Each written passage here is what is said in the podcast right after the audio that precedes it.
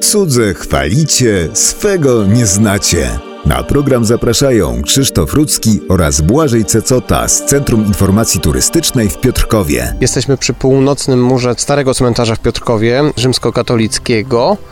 Jesteśmy przy jednym z najstarszych nagrobków, jaki tutaj generalnie możemy w ogóle znaleźć. Tak, jest to nagrobek, na którym winieje data 1853 rok.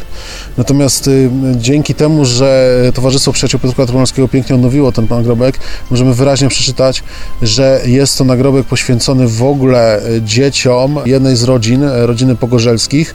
Dzięki temu, że jest on odnowiony, to możemy zauważyć, że na grobie został wyryty herb rodziny Pogorzelskich, specjalnie, żeby nawiązać do ich rodzinnej tradycji. Ale oprócz tego istotnym na tym nagrobku jest to, i bardzo dobrze to widać dzięki odnowieniu, jak tradycyjnie oznaczano miejsce śmierci.